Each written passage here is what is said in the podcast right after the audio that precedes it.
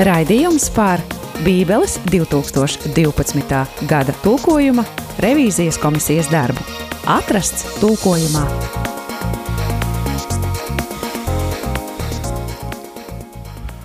Labdien, brāļi un māsas!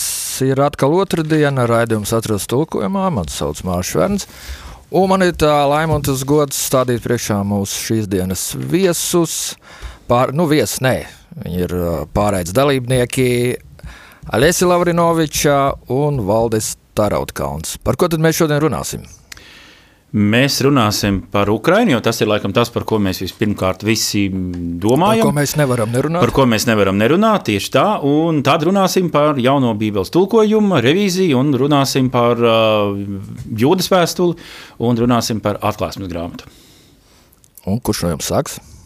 Nu, ja Ukraina, tad, tad, tad laikam es. Un, uh, Ir tā, ka uh, klausītājiem varbūt būs interesanti zināt, ka uh, mēs Bībeles biedrībā domājam arī par Bībelēm un bērnu, bērnu Bībelēm Ukraiņu valodā, un daudz cilvēku, starp citu, zvana. Uh, mēs, mēs saņēmām, bet, bet ļoti maz, apmēram kād, kādus simts eksemplārus, uh, kuri jau praktiski ir izdalīti. Mēs ielikām paziņojumu Facebook, un tas bija dažas, dažas dienas. Kāpēc tā? Nu, tāpēc, kad pirms kara jau neviens reāli nedomāja, ka, ka tādos daudzumos Bībeles ukraiņu valodā būs vajadzīgs vajadzīgas Eiropas valstīs, un, un šur tur noliktavās Vācijā un citur vēl viņas ir palikušas, un tās arī momentāli ir sadalītas no Ukrainas uh, Eh, šobrīd, kā mēs varam ļoti labi iedomāties, saņemt mēs, mēs neko nevaram.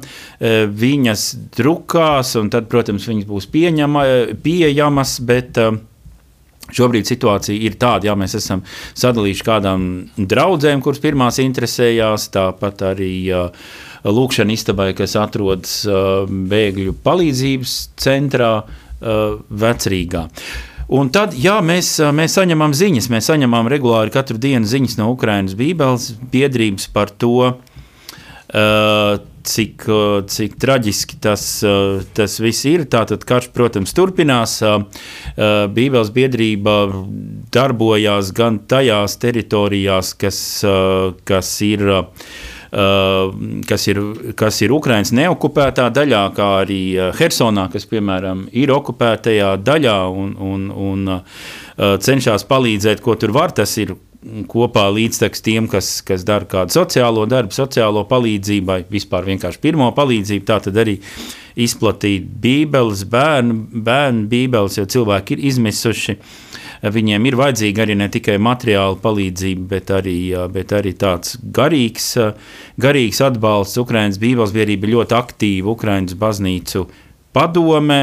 Tad tā arī ir sadarbība ar, ar, ar dažādām citām baznīcām, un arī aicinājuma rakstīšana dažādām, dažādām organizācijām, starptautiskām organizācijām. Uh, un vienlaicīgi tā ir arī saskāršanās ar tām realitātēm, par kurām, man liekas, 21. gadsimtā vispār mums pat būtu grūti iedomāties to, ka ir nāves draudi un arī bijuši reāli mēģinājumi nogalināt, teiksim, Ukraiņas pareizcīgās baznīcas uh, vadītāju, metropolītu Epifāniju un tā. tā tās ir tādas reālas situācijas, par ko Dzīvojot šeit, vai vispār dzīvojot pasaulē, Eiropā, uh, 21. gadsimta sākumā, mums uh, nelikās, ka mēs jebkad saskārsimies, izņemot kaut kādu šausmu filmas, kara filmas un tam līdzīgi. Bet tā ir realitāte. Tā kā, jā, viņiem, uh, viņiem ir vajadzīgs lūkšana un visādi citāds atbalsts, un ir patīkami, ka pasaulē tik daudz cilvēku par to domā.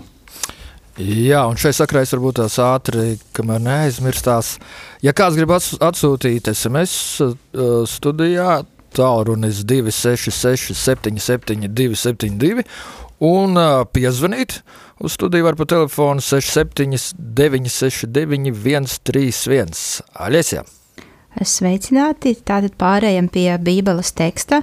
Šodien parunāsim par jūdas vēstuli un par atklāsmes grāmatu. Abas ir ļoti interesantas, aizraujošas, īpašas grāmatas jaunajā derībā.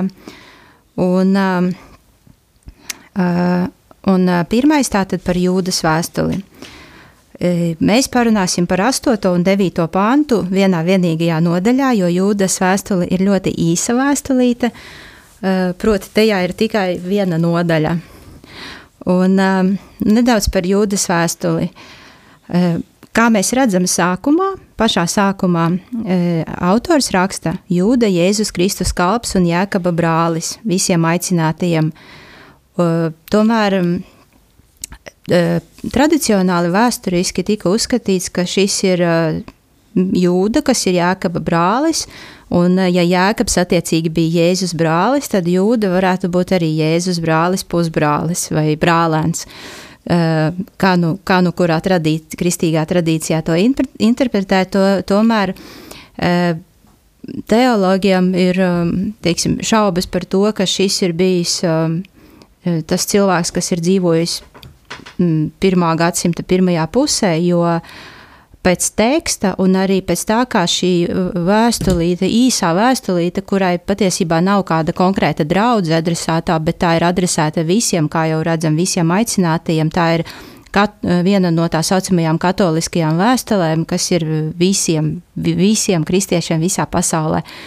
Tad, tad šis autors, eh, ne tikai izmanto vecās derības tekstus, bet uh, var manīt tekstā, ka viņš izmanto tā saucamos apokrifālos tekstus, kas uh, īsti nav vecās derības teksti, bet kas ir tapuši vēlāk. Citi saka, starp derību periodā, citi saka, ka tie ir tapuši atkal arī vēl pirmajā gadsimtā. Un, Un ir pamats uzskatīt, ka šī vēstulīte tika uzrakstīta diezgan vēlu, iespējams viena no pēdējām, eh, no viena no pēdējiem dokumentiem jaunās derības eh, grāmatu kolekcijā, tā var teikt, kaut kur pirmā gadsimta beigās vai pat otrā gadsimta sākumā. Tātad šis ir tāds interesants materiāls, kas ir kanonisks, ir bijušas gan diskusijas trešajā gadsimtā, bet, nu, eh, tomēr nekad nav šī grāmata izņemta no jaunās derības. Tātad, un astotais pāns, par ko mums bija diskusijas komisijā, es izlasīšu uh, 2012. gada tulkojumu. Tātad, Tāpat arī šie sapņotāji apgāna miesu, atmet kunga diženumu un zaimo godības eņģeļus. Mēs jau pēc šī panta redzam, cik krāsains, kalorīts un simboliem bagāts ir teksts. Uh, Devītais pāns ir pat ērceņģelis Mihaēls strīdā ar vēlnu par Mozus mirušo miesu neuzdrošinājās spriest nievājošu tiesu, bet teica, lai tevi soda kungs. Un tātad astotajā pantā diskusijas um, bija galvenokārt par to, uh, pirmkārt par kunga diženumu, jo, ja mēs lasām grieķu tekstu un mēs lasām grieķu tekstu, tad tur par kunga diženumu nav ne vārda. Uh, tur ir grieķu vārds uh, kiriotes, kas nozīmē, kā mēs paskatījāmies citviet, uh, jaunajā derībā, kur šis vārds tiek pieminēts vēstulē efeziešiem, kolosiešiem un otrajā pētera vēstulē, tad m, tur ir konsekventi tūkots vara vai varas. Un tā var būt arī sekulāra vāra, ne, un, un, un, un, un netik tuvu kunga dižanumam, teiksim tā, jā. Tāpēc um, mēs e, nolēmām, lai gan šis e, vārds šeit parādās vienskaitlī, bet um, lai kaut kā saskaņotu to tekstu un, un izteikumu, tad šeit tika nolemts iztūkot nicina vāras e, daudzskaitlī. Un uh, otrs ir šeit, kas ir otrs, tas un zaimo godības eņģeļus, par to arī var droši vien disertāciju sarakstīt, ko tas varētu nozīmēt. Jā, bet um, Bet šeit, šeit arī ir grieķu tekstā ļoti saudabīgs vārds, un tas ir doksa vai doksas. Un, un tie, kas zina e, nedaudz grieķu valodu, zina, ka doksa e, pamatā liturģijā tā ir e, slava godība, kas attiecinām uz, uz Dievu, uz Dieva slavu un godību, uz slavēšanu. Bet šeit ir, bet, bet do, vārdam doksa tā nozīme ir ļoti daudzveidīga. Tur, tur tiešām vismaz septiņas, desmit kontekstuālas kaut kādas nozīmes var atrast. Un, un arī eņģeļi. Un tāpēc iespējams, ka šeit nu, bija pamatoti arī tūkots godības eņģeļus, drošības pēc, lai būtu gan godība, gan eņģeļi. bet, bet tad, nu, palikām mēs ar to, ka pie tā, ka teiksim, arī vēstulē efeziešiem ir runa par doksām, un um, tā ir tāda pasaules um, izpratne, metafiziskā izpratne, kas nav ne šīs varas, jo varas jau tika pieminētas, ne šī īsti ir dieva vara, bet kā, kā rādās arī vēstulē efeziešiem, piemēram, un kolosiešiem, ka ir runa par kaut kādām varām, uh, Uh, jo, jo ir tas, tas slavenais pāns, jo mūsu cīņa, uh, jo, jo mēs necīnāmies pret miesu un asinīm, bet, bet pret ļauniem gariem, vārām, valdībām, pasaules telpā, tad tās ir tās varas un tā ir tāda, tāda nu, pasaules uztvere, kas ir bijusi um, senie, senajā pasaulē, ka tās ir tās varas. Aļes, un ja es tev pareizi sapratu, tad tie sapņotāji čakarējuši šīs pasaules varenajiem un valdībām kaut ko ar savu sap, sapņainību, vai? tas ir, tas ir labs, labs jautājums, jo man liekas, ka tie sapņotāji tā ir tāda arī metafora par to, ka tie ir cilvēki, kas vispār atkrituši no, no kaut kādām vērtībām, no cieņas pret uh, pret, pret visu, ko, ko var cienīt. Un tad arī vi, viņi visu, visu nicina, gan vāras, un, e, un tās doksas, visu, jā. un, un tās nu, Skaidrs, nu, papildus jā. dieva zaimošanai. Nu, var sakot, un, un tad mēs tās doksas nolēmām tomēr iztūkot precīzi tā, ka, lai, lai nebūtu kaut kādas interpretācijas par eņģeļiem vai par dievu vai par godību, bet e, tā, ka šobrīd ir tā, nicina varas un nonievā tos, kas apveltīti ar godību. Tas ir tāds diplomātisks izteikums, jo tiešām nu, mums ir diezgan grūti 21. gadsimtā saprast īsti, kas ir tās doksas, ir bijušas konkrēti. Nu, nu, tad tie sapņotāji būtu tie remdenie. Manuprāt, drīzāk tas ir vairāk nekā rēmni. Tie, tie, tie ir dieva zaimotāji, pret ko Tomēr. jūda vēršas, kas ir, kas ir konkrēti no, noskaņoti jā, jā, jā. pret evaņģēliju. Un jā, vēl viena lieta, par mēs runājam arī, ko darīt ar to Mihālu Ercengeli, Mihālu vārdu. Citu, Vai jā. viņu latviskot, jo mēs zinām, nu, Jēkabpilī citur ir, ir, ir Miķeļa baznīca, nu, pagaidām nolēma atstāt kā ir, jo Jo tad jau arī konsekventi ir citi vārdi jālatvisko, un tad jautājums, kurus, kurus latviskot, kurus nē. Un arī, teiksim, ja skatās uh, Lutāņu jauno liturģisko kalendāru, kas ir 2015. gada dziesmu grāmatā, tur tomēr ir uh, nu, Mihails, un, un tāpat arī katoļiem, uh, nu, arī dažādi, dažādi saku un lieto, ja, bet, bet pagaidām tas ir, tas ir atstāts tā. Varbūt Valdu var pateikt, kur mēs varam izlasīt šo strīdu starp Erceņģelu, Mihailu un, un Velnu? Kur tas ir minēts? Vai tas ir tas, ko Aļes teica, ka tur ir daudz šajā vēstulē no apakrifiem? Jā, tas ir no apakrifiem, jā, un Aļes varbūt konkrētāk zinās precīzi par to tekstu. Vārds sakot, tāds strīds Nē, kaut kur ir minēts. Tu, ja? tu sitienu nedabūšu to atsaucību. Jā, skaidrs. Ma, manuprāt, ja jaunajā tulkojumā vai nav tā, ka tur tās atsauces ir pieliktas klāt? Ja tāds nebūs uz apakrifiem, tad mums jāpaskatās. Tas ir jautājums, pie kura mēs varam atgriezties. Bet, uh, jā. vai mēs tagad aizējām dziesmas pauzē, vai kaut ko vēl sakam? Uh, es varbūt pateikšu, ka nākošais, Jā. ko mēs pēc dziesmas uh, skatīsim, būs Jāņa atklāsmes grāmata. Un tā būs 14. nodaļa, 12. pāns un 16. nodaļa, 19. un 20. pāns, lai klausītājiem ir laiks uzšķirt Bībeli. Jā. Lai skan dziesma!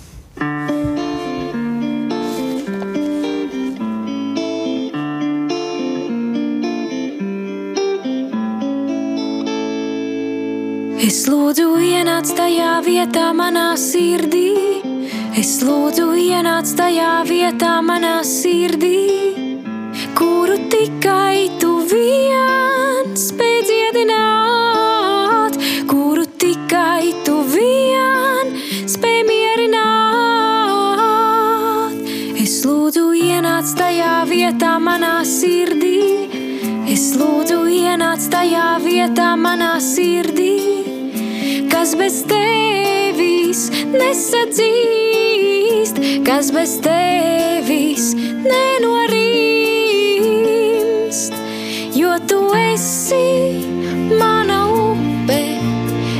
manas dzīvības upe.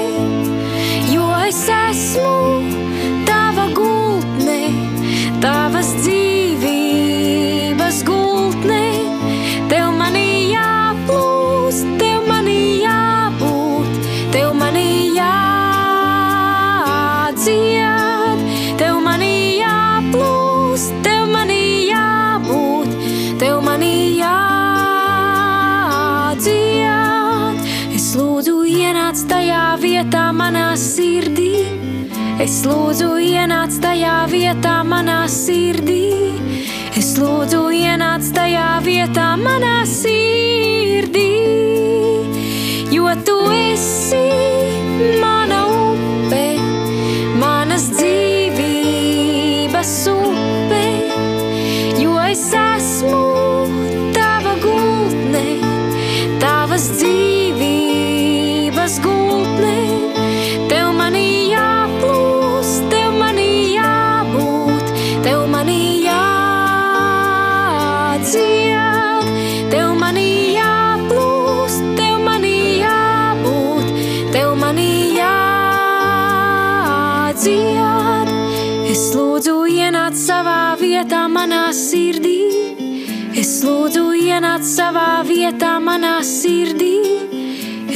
Lūdzu, ienāc savā vietā manā sirdī.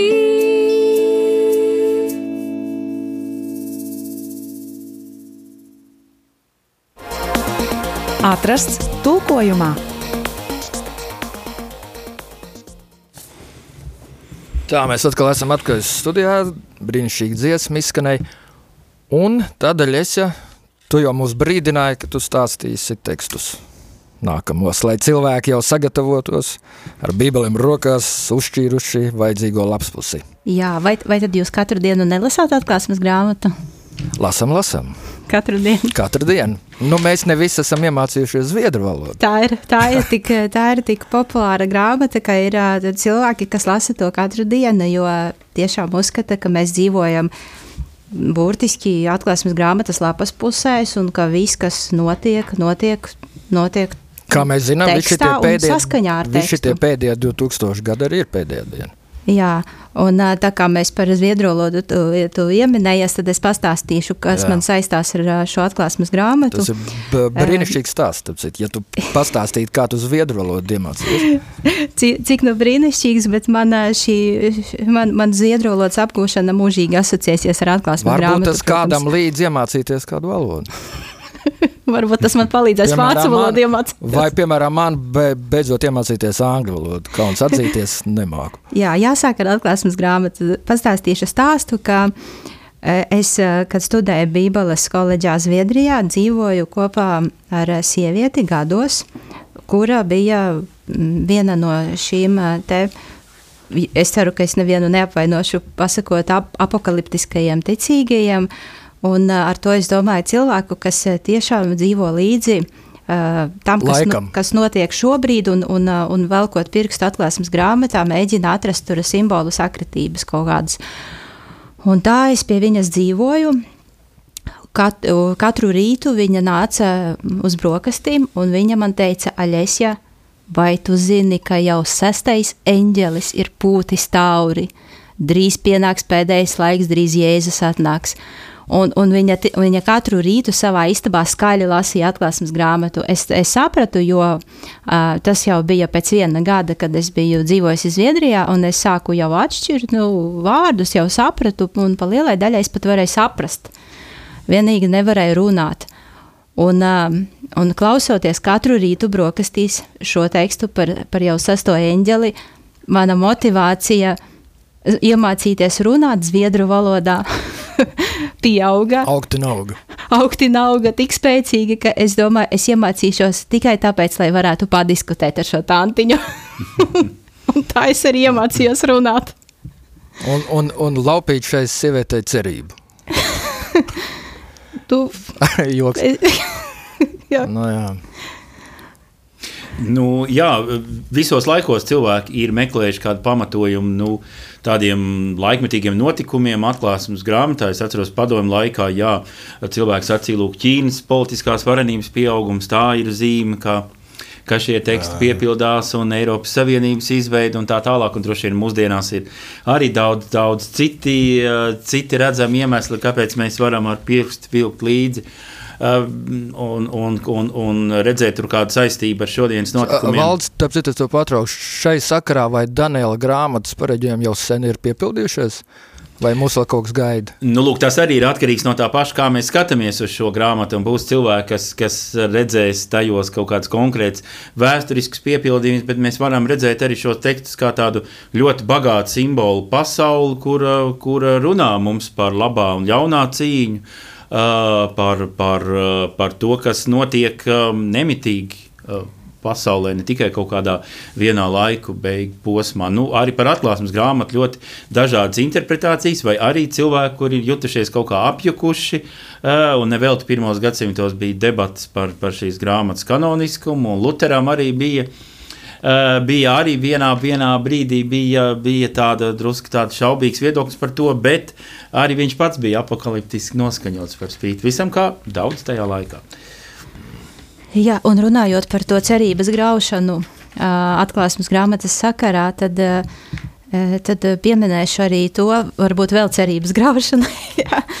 ka uh, ir tradicionāli ticis uzskatīts, ka uh, atklāsmes grāmatas autors ir Jānis, kas sarakstīja šo atklāsmes grāmatu uh, Patmosa salā, respektīvi saskaņā ar savu personīgo atklāsmi par lietām, kā arī mēs lasām uh, atklāsmes grāmatā. Uh, Tomēr pētniekiem, Bībeles pētniekiem ir sen jau ļoti liela šaubas par to, ka tas ir bijis tas pats Jānis, kas sarakstīja Jāņa evaņģēliju, un ka tas ir bijis tas pats Jānis, kas sarakstīja Jāņa vēstules, kas ir, kas ir ko, ko pētnie, pētniecībā vēl ar vienu apvieno zem termina Jāņa literatūra, bet, bet tomēr ir pamats uzskatīt, ka šis nav bijis tas Jānis, kas ir atklāsmes grāmatas autors, uh, un eh, ka šī patiesībā ir bijusi drīzāk cilvēku grupa vai autoru kolektīvs. Un tad mēs varam uzreiz likt jautājumu zīmi, vai tā bija kolektīvā atklāsme, vai tas tomēr bija, kā pētnieki uzskata, tad, kolekcija vai kolāža no dažādā, dažādiem apokrifāliem stāstiem, kas simboliski mēģina runāt par vēsturi, par kristiešu vajāšanām. Tas ir varbūt nevis nākotnē jāskatās, bet drīzāk jāskatās, ka šī grāmata interpretē to, kas notika pagātnē, tieši pirmā, pirmā gadsimta vidū, beigās, kad notika kristiešu vajāšanas. Tas, tas tā ticība, cerības graušanai, bet, bet mēs tad sāksim ar 14. nodaļu, 12. pantu. Un šeit ir tikai viens vārds, par ko bija tāda diskusija, un proti 12. gada tulkojumā un arī 65. gada eh, tulkojumā bija rakstīts tā, ka šeit vajag izturību svētajiem, kuri turas pie Dieva baušļiem un Jēzus ticības. Un arī revidētajā tekstā pirms tam bija šeit vajadzīga svēto izturība. Tomēr arī uh, tur īsti nav vārda vajadzīga. Vajadzīga tas ir tādā, uh, nu, Tas, tas, ir, tas ir kaut kas, kas, kas vēl būtu jāiegūst vai jāapgūst. Un te vienkārši ir ko, ko, fakta konstatācija, ka atskatoties uz iepriekšējo kontekstu, 14. nodaļā, komisija vienojās tūkot, te parādās svēto pacietība, jo pirms tam tiek runāts par vajāšanām, par, par visādām slikt, ļoti sliktām lietām, kas notiek arī nu, to starp ticīgo starpā. Un tad, eh, un tad tas ir apgalvojuma teikums, ka pat šajā situācijā, šajā, šajos smagajos notikumos parādās svēto pacietība. Tā kā vārdiņš vajag, vajadzīga tur ir ticis izsvītrots. Un tad Jā. 16. nodaļā, 19. pantā, um, tur ir tā, galvenokārt izlasīšu tekstu, un 20 arī varbūt lielā pilsēta sadalījās trīs daļās. Pagānu tautu pilsētas krita un lielā bābele tika pieminēta dieva priekšā, lai tā dzertu viņa dusmu vīna kausu. Un 20. pāns un visas salas pazuda, un arī kalnu vairs nebija. Un tad diskusija bija par to, ka kā tad tūkot uh, salikumu, kas ir haipoleiston etnon, uh, tas, tas, tas ir burtiski. Jā, nu, bu, bu, burtiski, bet uh, mums ir skaidrs termins, ka tās ir pilsētas, bet tieši kādas pilsētas, vai tās, vai tās ir tautu pilsētas, no, uh, respektīvi, kā tūkot uh, etnos, vai tās ir tautu pilsētas, vai tās ir pagānu pilsētas, uh, vai, vai kā. Un uh, mēs redzam, ka 12. gada tulkojumā šīs bija pagānu tautu pilsētas arī, lai neaizvainotu nevienu par to, kā šis grieķu vārds etnos būtu saprotams. 65. gada tulkojumā bija pagānu pilsētas, arī Strelēvici tulkojumā ir pagānu pilsētas, un tad beigās vienojās nu, paturēt pagānu pilsētas. Tad, tad nebūs tās tautu pilsētas. Bet gribēju tikai pateikt, ka šīs ir, ir, ma, šīs ir mazas niansītes, bet par, par viņām. Bet ļoti būtisks. Dotiek diskusijas, jo ne tikai jādomā, kā etnos iztūkot vai pagāni, vai pagāni vai tautas, bet arī kā tas citās vietās tu, latviešu valodas tulkojumā parādās. Un tad par tām salām, kas ir 20. pantā, tur nolēma tomēr, ka nevis pazuda, bet aizbēga. Kāpēc? Jo, jo, jo nu, tas, tas it kā ir tuvāk grieķu tekstam, Un uh, tad bija diskusijas, vai, vai mēs vispār, vai tas, tas, tas ir tāds salīdzinājums, kas latviešu valodā ir. Nu, mums, mēs nesakām, ka, ka kaut kā salas bēg, jā, jā. bet lai kaut cik paturētu to. Tos, tos, to tēlaino valodu un izteiksmes veidu tomēr nācās pārkāpt. Jā, un tas arī skaidrs tāds, tāds poetisms, jo skaidrs, ja, ka tas Jā. nav saprotams burtiski, uh, bet tas poetisms pastiprinās šajā jaunajā versijā un visas salas aizbēga, pazuda. Nu, to varēja vēl tā burtiski izprast, tur kā zemestrīce, kas, bet aizbēga, tad mums visiem ir skaidrs, ka, ka, ka tā ir poetiska, ka tā ir simbolu valoda, kā, kā tas arī viss cauri ir atklāsmes grāmatā. Un tātad šis pants šobrīd 20. pants 16. nodaļā skan šādi, un visas salas aizbēga, un arī kalni vairs nebija atrodami. Nu, jā. Mums vēl ir kādas nepilnas divas minūtes laika. Par ko vēl mēs varētu parunāt? Es gribētu minēt arī atklāsmes grāmatā, varbūt nobeigumam tieši. Jā. Tā kā es pirms tam cerību sa sagrāvu. es... Nē, tu esi paspējusi rehabilitēties. gribētu minēt vienu no, vienu no teologiem, priesteriem, kuru es ļoti daudz esmu klausījusies no Brazīlijas. Viņu sauc tēvs Fabio Gimelo, Brazīļu priesteris Viņš ik pa laikam vada garīgas, garīgs virziens raidījums portugāļu valodā, un es arī mēģinu arī to apgūt. Bet man ļoti patīk, ka vienreiz viņam uzdeva jautājumu studijā, ko viņš domā par atklāsmes grāmatu. Un es, un es zinot visas tās, visas tās no kaislības, kas apvija atklāsmes grāmatu, un es domāju, man ļoti, tik ļoti interesē, ko viņš atbildēs.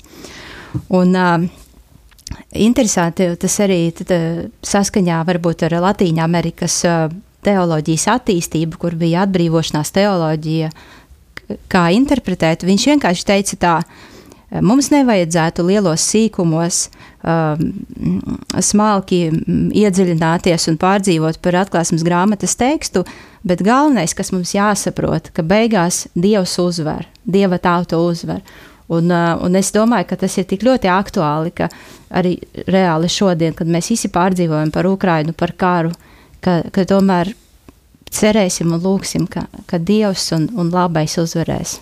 Tieši tā, un tas ir ļoti būtiski, ko tu tagad pateici. Domāju, mums katram, gan man, gan, gan valdim, gan tev, tas ir jāpatur prātā, un arī mūsu klausītājiem kaut caur to visu ārprātu, ko mēs piedzīvojam. Diemžēl kārtējo reizi cilvēks vēsturē caur lieliem ārprātiem mēģināt saskatīt to, kas tur patiesībā caur to visu uz mums tiek teikts. Un, un tiek teikts, jā, šitas, kā, kā, kā tev, tevs minētais tēvs teica.